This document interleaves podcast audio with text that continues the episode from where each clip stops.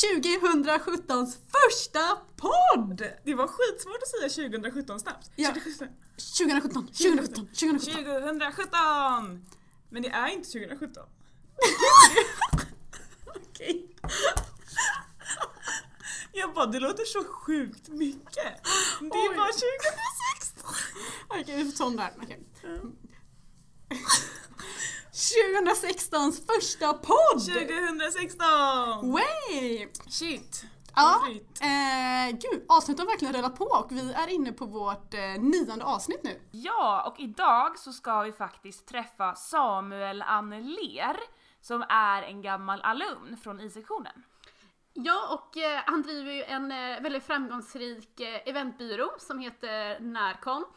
Eh, mer specifikt exakt vad den innebär, det, det vet vi ju inte, så det är väl det egentligen vi ska ta reda på eh, med det här eh, mötet med honom. Ja, det ska bli superspännande att höra. Vi, eh, vi tar in gästen. Det tycker jag.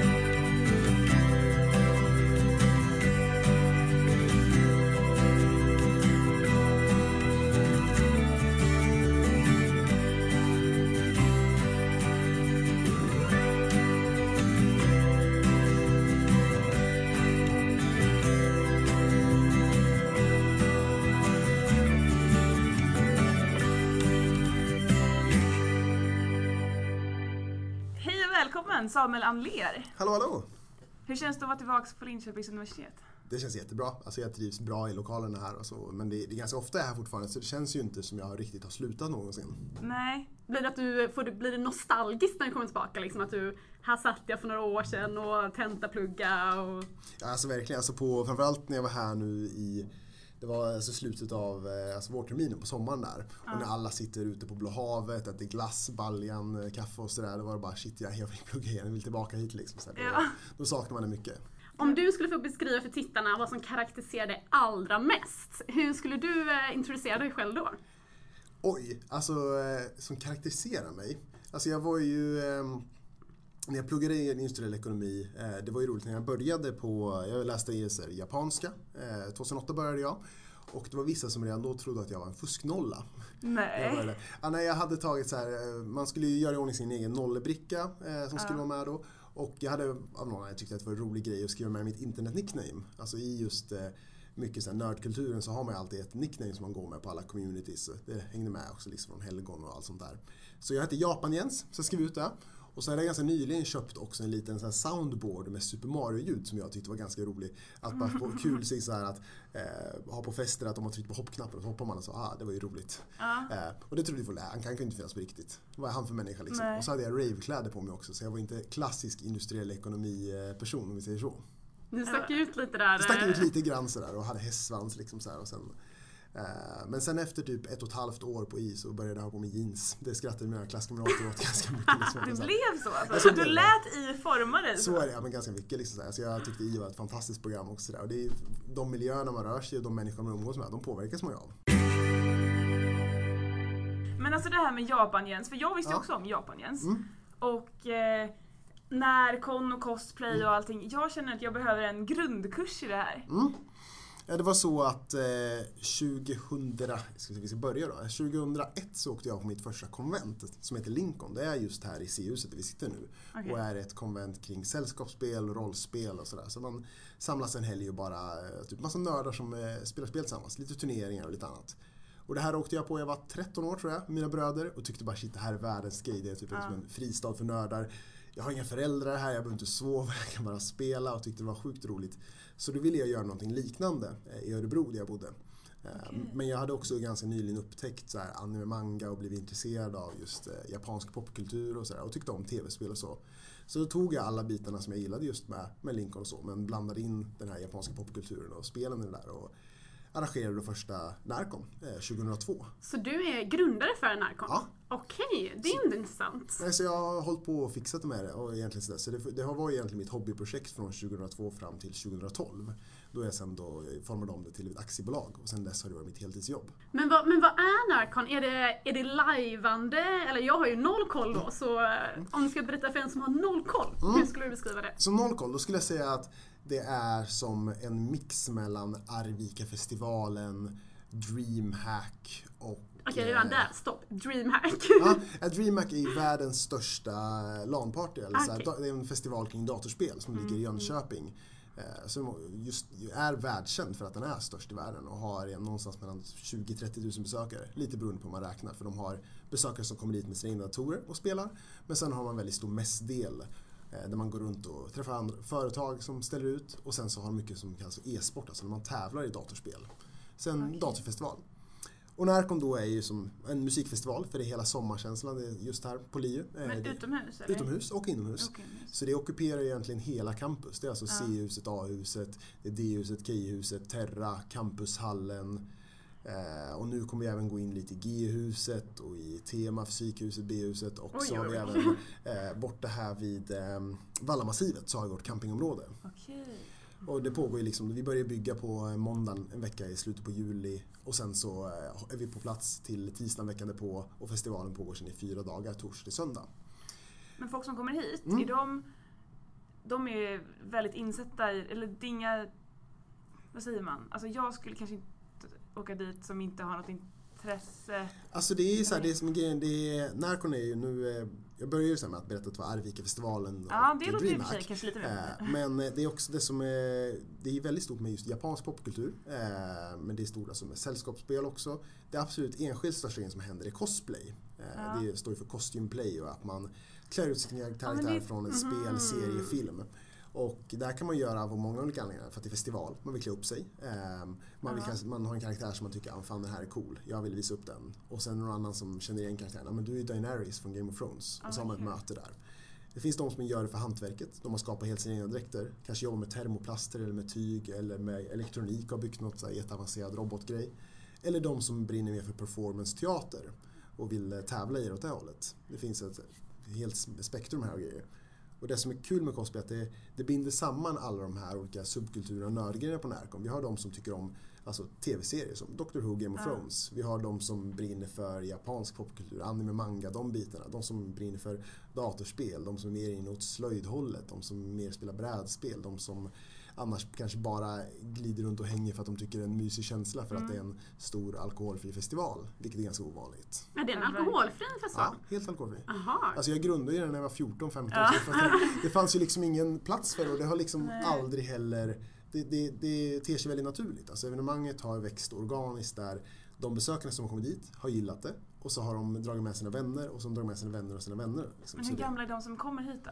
Eh, snitten ligger alltså någonstans mellan 17-19 år. Eh, jag tror medianåldern nu är på 19 år. Okej. Och det är, eh, alltså uppdelningen, könsfördelningen är att det är 65% tjejer. Det är Oj. 30% killar och sen 5% som definierar sig som eh, någonting annat. Alltså jag vet inte varför jag tycker att det känns lite läskigt. Jag, det kanske är att jag känner mig jag tror jag är obekväm med att eh, klä ut mig sådär. Men det är alltså, det är hälften av besökarna klär ut sig så det är verkligen inte så att alla gör det. Det är ingen Nej. sån grej liksom. Och det som har alltså Närcon är grundare och Närcon idag är två helt olika evenemang. Och det förändras Okej. hela tiden. Alltså allt beroende på vilka som kommer dit som besökare och hur de vill att det ska vara. Så anpassar vi det. Men under de här festivaldagarna, blir det att det blir liksom olika, du har tv-spelstältet, du har slöjdtältet och man, man hänger med de som har samma intresse? Eller är allt, någon sitter och spelar tv-spel i sitt tält, kan vara svårt med elektricitet men alltså.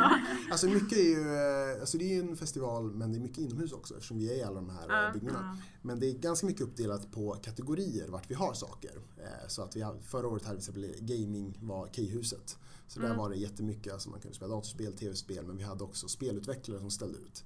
Men däremot så de flesta av våra besökare de glider runt över hela området och det är en del av vår värdegrund att vi försöker just skapa de här mötena. Att det inte ska bli som att det är massa olika evenemang som pågår samtidigt men som inte har med varandra att göra utan det är att alla ska vara en del av samma. Jag tycker det låter nice Ja, alltså. vad coolt. Alltså, Du säljer in det här bra.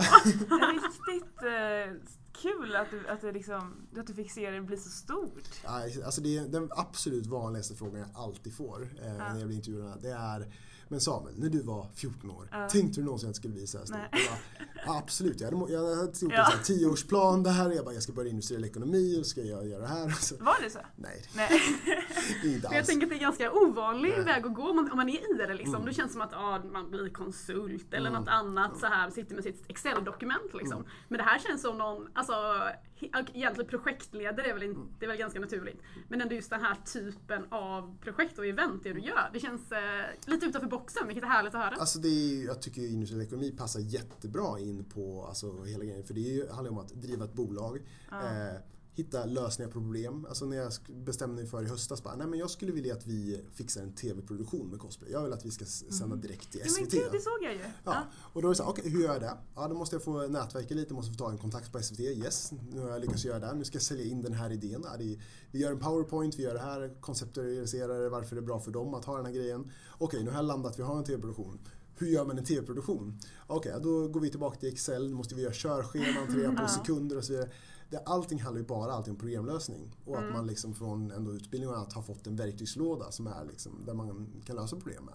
När det gäller Ja. från, och det är, det, allting kommer egentligen slutändan nästan tillbaka till egentligen projektledning, ekonomi och att eh, vara lite innovativ och administrativ. Liksom.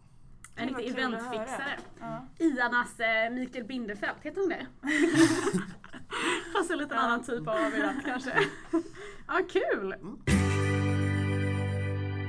För jag, jag, jag stalkade lite, eller jag klickade runt lite jag, på Facebook och eh, såg att du varit delaktig va, i en, i att starta upp en gamingbar. Alltså när jag när vi skulle grunda Narcon Eventbyrå, det var jag och en kompis med mig som heter David. Han pluggade i på Chalmers. Okej. Så eh, var liksom vår tanke att okej, men nu ska vi gå in, satsa helhjärtat på det här och eh, bygga upp liksom Närcon ordentligt, driva vidare. Men sen också ville vi på något sätt skapa någon form av liksom, alltså inkubator och gå in och börja driva, starta andra företag, andra projekt. Eh, och har gjort en del saker. Vi har startat lite klubbar, vi har startat eh, Vad är det för klubbar? Eh, Klubb Kosmos som är på Göta källare i Stockholm. Det kör femte gången nu här. Det är nördklubbar som spelar koreansk pop och tv-spelsmusik och sådär. Oj vad kul! Eh, Sen har vi liksom då ett, ett IT-bolag också som utvecklar vårt personalsystem och biljettsystem. Där målet är att, då att det biljettsystemet ska vi sedan sälja till andra evenemang. Så vi försöker ta det vi lär oss från evenemangen och applicera vidare. Biljettsystem, jag tänker det här ska du sälja in på universitetet Ja. alltså. Ja, ja, men det, men det vi ju, alltså hur det har funkat här, det är liksom skrämmande på kravaller och allt Ja. köer och sådär. Nej, och det senaste nu är att vi har i ett års tid jobbat med att starta upp en bar i Göteborg. En, eh, en e-sportsbar. Där det egentligen, man, som att man går in på Learys och Mm. kollar på fotboll fast man kollar istället på datorspelsmatcher. Så det ska vara exakt samma känsla. Eh, Men jag som är helt oinsatt i detta nu, alltså man kollar på andra spel och dataspel, folk Ja. tycker ju, alltså folk tycker det är intressant ja, liksom. på samma sätt som det är kul att titta på någon sparka en boll. Det är, det är, men det är samma känsla. Ja, Det ja. är folk som är så sjukt bra Ja, verkligen. Och sen så har Ja, vi kombinatorer till det och det blir spännande och liksom så här dram dramatik och allting. Ja. Så det är verkligen eh, samma sak. Jag är också lite nyfiken på, visst har du en alltså, lite speciell äktenskapssyn? Du, du, det du tänker på är polyamori? Exakt! Ja. Vill du prata lite? Ja, absolut. Eh, alltså det var så egentligen när eh, jag och eh, alltså min eh, hustru pratade typ 2006. Vi blev tillsammans 2005. Så sa hon någonting i stil med ja, men Samuel, tänk om det kommer den dagen att man skulle vilja träffa andra. Skulle inte vi kunna fortfarande ha kvar vår relation då för att det är, så- det är så himla viktigt det vi har? Och jag bara, nej men gud nej, det låter jättekonstigt. Så här, det, jag vet inte om jag någonsin skulle kunna leva så liksom. Men sen låter vi typ prata om länge så här, och, och i många år. Sen bara kom fram till, men var, varför är det så konstigt att man gör så otroligt stor skillnad på vänskapsrelationer och kärleksrelationer och bygger upp de här strukturerna som vi har i samhället om vad som är liksom, men, så har man en partner som man är kär i, då är det helt plötsligt omöjligt att någonsin utveckla kärlekskänslor för någon annan. Det tror inte jag. Jag tror att liksom, flesta människor kan liksom ha absolut kapacitet och möjlighet att älska många människor och att det inte är så här något som man har bara en begränsad mängd av. Men i detta, man tänker på att det var hennes idé. Är det här tankar som du har fått då i efterhand? Liksom? Det var ingenting du tänkte, från början tänkte du då kanske att eh, det är en resten av livet. Så Mm. Ja, ja, detta är någonting som du har fått nu med tiden. Ja, alltså det är ingen sån här, jag skulle inte definiera sig med polyamori som någon form av läggning utan det är bara ett aktivt val Ja, man väljer att ha sin relation på. Ja. Eh, och eh, som vi sen då valde att göra, började två år sedan. Eh, efter vi hade snackat om det, då hade vi ändå varit tillsammans i åtta år. Eh, och tänkte, ja, men nu ska vi pröva på det här. Och just eh, läste på lite, det finns en jättebra hemsida som heter More than two som just handlar om polyamori och kolla på den här, alltså hur tvåsamhetsnormen ser ut i samhället. Att det är så otroligt starkt man blir intutad. Precis som med heteronormativiteten. att det ska Allt vara, sånt där som är Ja. väldigt när man börjar liksom Mm. tä- tänka utanför ramen så kan Mm. man ju egentligen, vem kom på att man... Mm. Det, Ja. alltså det, det kommer ifrån arvsrätten från början. Det var Aha. mycket smidigare att man alltid var två. För att det, skulle, för att det krånglar till det så fort om du har flera sådana äktenskapliga Ja, relationer. det kan man Så det, tänka sig. alltså det är egentligen i grund och botten en praktisk En grej. praktisk. Ja, och det, det är mycket sånt vi har i samhället som kommer ifrån praktiska saker men sen som har Ja. kommit bort med tiden, romantiserats och sen så vet man inte längre varför de pysslar med det men alla gör det, det är normen. Och det är strukturen liksom vi har runt omkring oss. Men hur, med tanke på att du är så himla öppen med det, hur, hur blir det bemött från, från andra? För spontant, alltså, för jag som inte förespråkar det liksom, känns det ju som en jättekonstig grej till en början. Men hur, hur blir du bemött eh, av andra som kanske inte är så öppensinnade liksom? Mm. Alltså det har varit mestadels positivt verkligen. Så här. Alltså det, varför jag egentligen var öppen med det är som öppen, jag hade en eh, depression har haft det senaste halvåret. Och eh, för att jag är i, i den så här, subkulturen jag rör mig i så är jag ändå ganska publik person. Ja, du är lite kändis. Ja, så, jag har, så jag har en plattform där jag känner då att jag har ändå någon form av skyldighet att när jag har saker som jag tycker att det här kan jag lyfta och göra folk mer medvetna om så vill jag gärna göra det och Ja. vara öppen med det. Eh, Det var lite med mina föräldrar och släkt var det just märkte av att det var lite så här lite konflikt i början innan de verkligen förstod vad det handlade om. De blev rädda Ja, de tyckte det var konstigt. Ja, just också för att så här, jag, jag har ju en son också på ett och ett halvt år som bara, åh nej vad är det som händer här? Kommer allting gå i kras och vart, vart rädda liksom. Mm. Eh, men sen har tagit till sig det väldigt positiva sen i efterhand. Eh, Har du flickvän? Eh, nej inte just nu är har jag bara egentligen eh, min hustru. Och så, så dejtar jag också. Ja. Men, eh, men lek med tanke på om du har en flickvän, Mm. eh, inte vid sidan av, jag vet inte om man säger men du har en flickvän eh, och din fru. Vem tar du med till släktmiddagar och sådana grejer? Det är jätteroligt för det är just då det blir såna här, alltså det blir så här clashes liksom. När man Ja. har så här, bara, men, men herregud nu har vi släktmiddag och man ska alltid se, mannen ska sitta där, kvinnan ska sitta där. Nu blir det konstigt, hur ska alla sitta och så här, det vi, Men du tar med båda? Ja, det gjorde jag en gång. Vi hade, så här, vi hade, så här, vi hade annandagsmiddag med min eh, frus familj.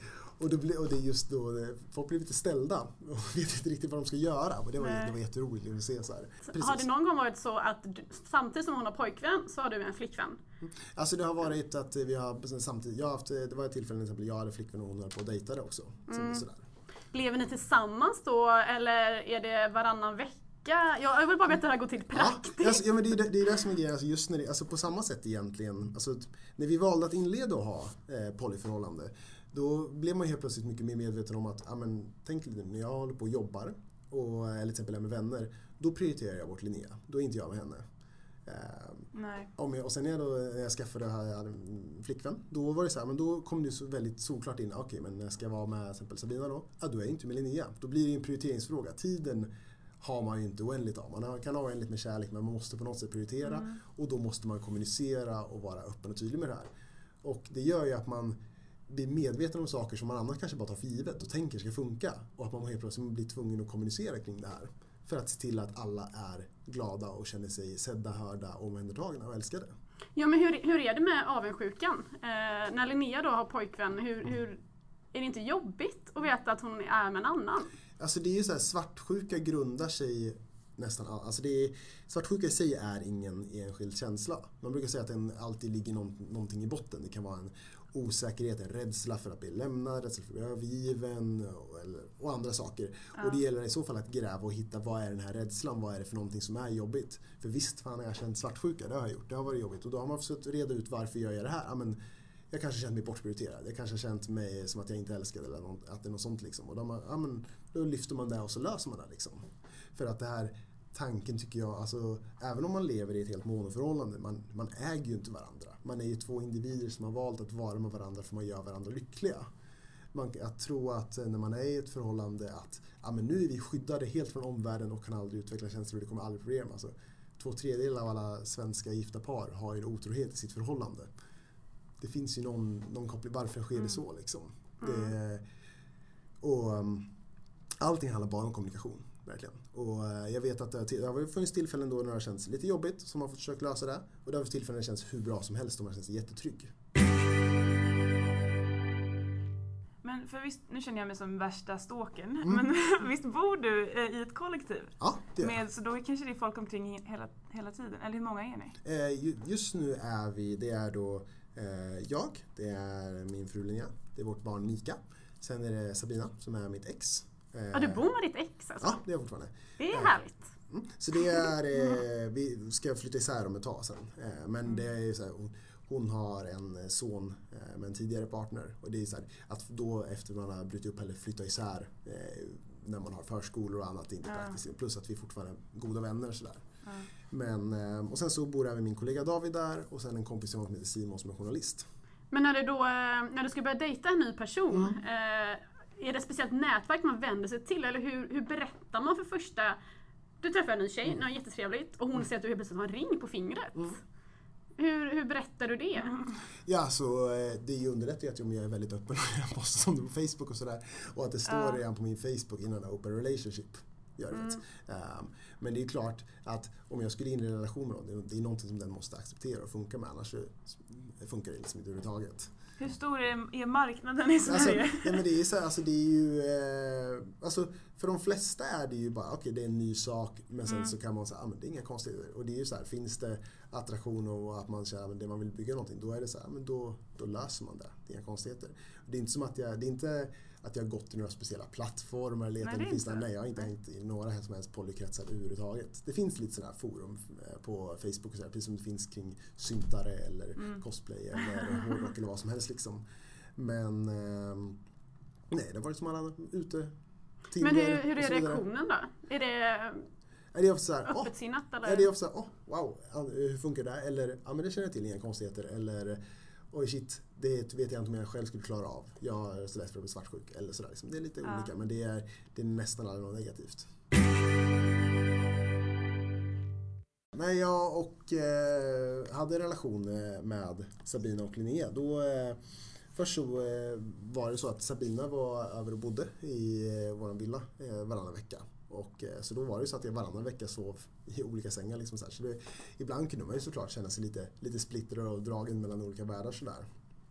Men det är såklart det finns så här nackdelar med att vara poly. Eh, men jag ser att fördelarna väger över så mycket mer av alla erfarenheter man får av att så här, kunna så här, alltså jag, tror, jag tror det är svårt att hitta en person som har allt man någonsin behöver. Alltså precis som att man inte kan hitta, ja men du är min enda vän. Jag kommer aldrig behöva umgås med någon mer vän förutom dig. Så kan det ju vara så att det inte finns en partner som har allting man någonsin kan vilja ha. Polygami, det är att man är gift med flera va? Ja precis, det är det. Och, Är det eh, lagligt? Eh, inte i Sverige, nej. Inte Nej. just inte det här med gift. Och det, det går ju tillbaka till alltså, eh, förtryck. Och det är ofta det här man ser att eh, i vissa eh, länder så eh, fungerar det som ett sätt att liksom så här, kontrollera kvinnor. Liksom du ser en man som kanske är gift med många kvinnor. Liksom Ja. så här. Mm. Eh, Sabina, lever Ja. hon då också i samma polo... Poly? Poly, säger man bara? Eller lever hon i samma då? Eller är hon, eh, har hon bara en? Liksom? Nej, alltså hon, eh, har, alltså, hon hade andra partners också. Så, här. så det, Mm, det, blir, det blir ju... Det blir, Är det enklast att man liksom har det gemensamt? Ja, Eller alltså- hade det varit konstigt annars? Ja, alltså, det, är ju, det, kan ju vara, alltså, det kan ju vara som så att man har att eh, det blir helt upp till en själv. Alltså, även om man är poly så behöver man ju inte kanske aktivt söka efter andra förhållanden eller ha flera förhållanden pågående just nu. Det är bara ett, så här, ett förhållningssätt liksom, att, att man är öppen för det. Och eh, det fanns tillfällen när Sabina hade andra partners, eh, det fanns tillfällen hon inte hade det och så vidare. Liksom. Och nu till exempel när eh, jag och Sabina är inte tillsammans men hon har ett gäng olika partners som hon dejtar och så. Mm. Nej, men det blev, Sabina flyttade sen in, som bodde i villan tillsammans med mig och eh, Linnea. Och då, eh, då- så, så, då gjorde, var det också en grej att vi åkte på, på resor och vi hjälpte varandra så här med till exempel att Sabina hjälpte mig och Linnea lite med Mika och vi hjälpte Sabina med Sam. Så det var så här, det blev väldigt praktiskt också på många sätt att man får, Ja, det man, att just Ja, det få kan som jag en- verkligen tänka mig. fler så här, familjemedlemmar som kan, vuxna som kan hjälpa till. Ja. Men när ni åker på resa så tillsammans, så, då är, är det så här, den här resan är jag Linneas. Nej. Ja, det är ju, det är, Eller jag, kan, men- jag ja, tänker för smart. men det är, men det är det här ägand, ja, men det, är ägandeskapet inne på. Liksom så här. Då, eh, vad vill jag? Vad känner jag också? Man måste ju lyssna på vad vill alla och känna alla och respektera alla. Men det, är ju konstigt om jag- om jag skulle bollas fram och tillbaka lite som, som någon sån här, ja, men nu är du, nu är du Sabinas leksak, nu är du. Linneas leksak. här, Det liksom. blir jättekonstigt. Nej, men det här är så nytt för mig så det blir Ja. Ja. Nej men så det, alltså det, det, har, det har varit jätte, otroligt lärorikt för mig. Liksom, att, eh, vi har ju ändå pratat om det länge och läst på mycket. Liksom, så här, och, och nu är jag ändå övertygad om att, så här, men det, Men att hur gammal är, vet du ditt barn? Ett, ett och ett halvt år, Mika. Ett, Mika, är Mm. ett och ett halvt år? Ja. Okej, ja. Är det en ki- kille eller tjej? Det är en kille. Är Ja. Vi valde namnet före vi visste könet för att vi, det är ett könsneutralt namn. Det är ett är mansnamn i Finland men ett kvinnligt namn i Japan. ja, precis. Okej, men Just för att tyckte att det är inte så viktigt med kön. Liksom. nej det är ju egentligen inte det. Mm. Men det var för att jag tänkte säga han eller hon. Men, då, s- men nu går ni ut med, med könet. Ja, alltså så här, det, är inte, det är inte så att vi propagerar ut det så mycket. Nej, Det är mest om någon frågar så kan de få reda på det. Liksom så här, för att det är så här, Det är det svårt är att hålla någon könsneutral tänker jag. ja, om man, om man, alltså det är inte som att vi aktivt heller jobbar för att bara kalla Mika för sån här. Nej. Men det är ju det är egentligen lite fånigt egentligen att säga ursäkta men eh, är det så att eh, ert barn har en kuk eller fitta, hur är här, varför vill du veta det? Är du intresserad av inledande Nej, relationer? Så här, det, blir så här, det, det enda anledningen att man frågar sånt Ja, är att man har, en, man har en bild så här, ah, men shit, ah, men varför inte väggarna här blåa? Eller åh, då ska han bli en riktig så här, eh, Alltså ibland kan ju ändå så här, sådär. könet identifiera väldigt mycket med vem man är. Om man är en kvann, kvann. kvinna eller man eller tjej eller kille eller pojke eller flicka. va- Liksom. det, och det är ju för att samhället också, man, Ja. man får ju hela tiden bildmatat Ja fast samtidigt kan jag känna, alltså, vi har ju ändå olika hormoner i kroppen. Liksom, man Mm. är, på ett sätt är man ju, alltså, är man ju skapt olika. Eh, sen har ju samhället verkligen kryddat på det hela, det kan jag hålla med om. Sen tror jag att det är en väldigt binaritet liksom att det är så här, ja men det finns ju ett helt spektrum här också av eh, olika män, olika kvinnor och faller män däremellan. Det gäller också hormonerna liksom. Precis som Mm. att vi är, är väldigt olika individer på andra sätt. Jag är en otroligt mycket känslomänniska till exempel. Eh, Medan min kollega inte alls är alls samma sak och vi, många gånger förstår vi inte alls varandra. Nej. Vi är ju båda män. Är det då, medan kan det vara så att eh, David känner mycket, mycket mer gemensamt med en kvinna över hur, hur de funkar. Fast de är två olika kön. Så jag tror att könet inte är så viktigt egentligen. Men hur, eh, när Mika blir större då, Mm. hur, eh, hur ska ni berätta detta för, för honom? Eller kommer det, hur kommer den processen ske? Liksom? För det kommer skilja sig mot andra på dagis kanske, hur deras föräldrar lever tillsammans. Mm. Ja men det är väl så här att eh, jag tror att det, bara inte göra till något konstigt. Utan bara så här, eventuellt kommer det kanske komma någon fråga och då är det bara så här, förklara. Och så är det så här, ja så är det. Men ehm, har ni, eh, jag är nog alldeles för mycket inne på regler och sånt där, men eh, är det okej för er att ni skaffar barn med andra? Eller eh, inte? Alltså det är alltså så här, det är ju, man, man, om man vill kan man ju i ett polyförhållande sätta upp massa regler. Det skulle kunna vara att, ja, men, eh, om du ska träffa någon annan och du ska ha sex, då ska du ringa först. Eller om eh, vi, jag ska vara en eh, primärpartner och att om det är så att du ska inleda en relation med någon annan ska jag ha en vetorätt och att säga nej eller sådär. Men det regler alltid gör, oavsett om du har ett monoförhållande eller vad som helst, är ju att eh, begränsa en person och att om det är så att en regel går emot vad någon individ egentligen vill så kommer ju någon oundvikligen bli sårad. Oavsett hur man gör liksom. Eh, klart man kan, då, antingen har man begränsat sig eller inte. Och då är, det, då är det egentligen bättre att bara säga nej men vi har inga regler. Utan vi ska bara kommunicera ärligt och tydligt om allting vad vi vill och respektera varandra. Och de tillfällen när det går mot vad en, partner vill och en annan partner vill, då får man prata om att lösa det. För att alla ska bli så glada som möjligt. Jag och Linnea har ju ingen regel om att nej, men ingen av oss ska aldrig skaffa barn med någon annan. Men det ligger väldigt långt bort just nu. Jag, är mm. inte så här, jag tänker inte så mycket på att skaffa fler barn. Och klart det skulle bli en jättestor praktisk grej som skulle påverka den andra jättemycket. Och att då, om jag skulle börja få, nej men Lena, jag har skaffat ett annat barn.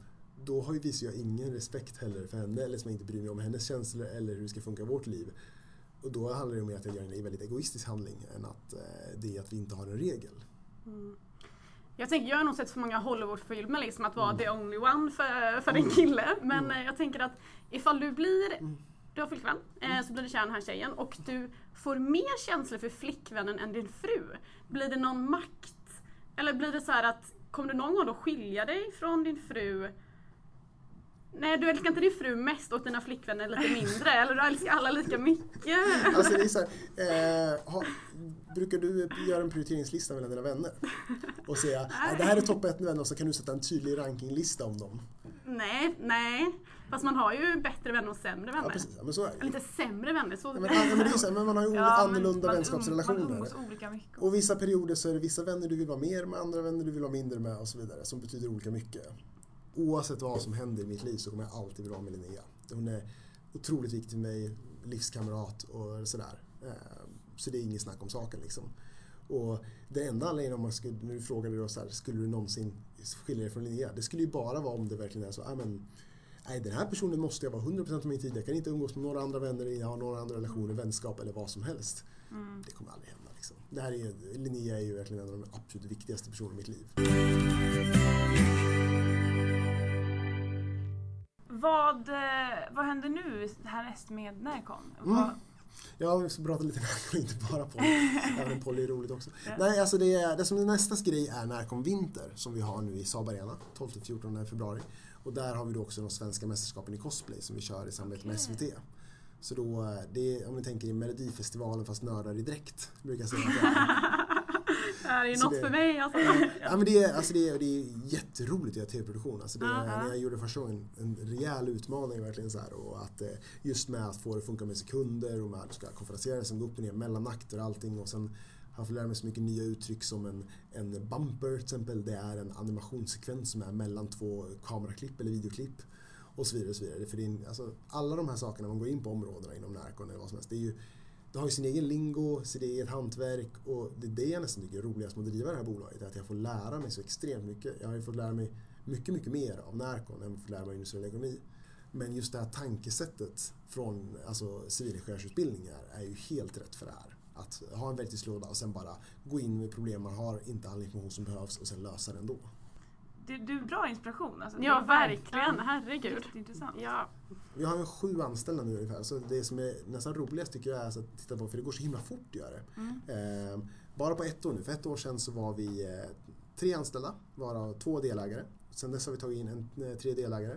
Vi har haft vår första tv-produktion och vår andra tv-produktion. Vi har flyttat från villan vi hade- där vi hade kontor nu till att vi har på eh, alltså Regeringsgatan. Så vi ligger vid Östermalmstorg, Stureplan. Har vi Oj, centralt. Ja. Fancy. Och så har vi sju, sju anställda.